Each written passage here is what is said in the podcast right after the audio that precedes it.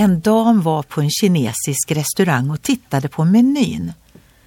Där såg hon några kinesiska tecken som hon tyckte var så vackra att hon bestämde sig för att sticka en tröja med dessa vackra tecken som mönster på framsidan.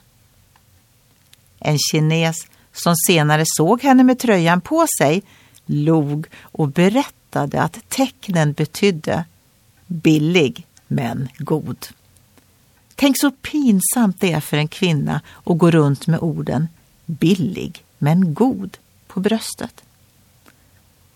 Om du ska ha ett motto på tröjan skulle det kanske vara bättre att ha dyrbar och räddad.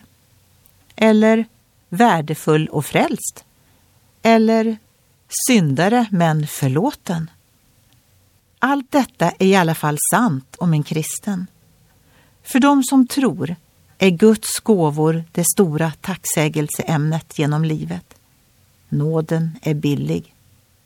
Men det kostade Gud allt. Därför kan en kristen säga, som det står i salmen, Men du, Herre, är en barmhärtig och nådig Gud, sen till vrede och stor i nåd och sanning.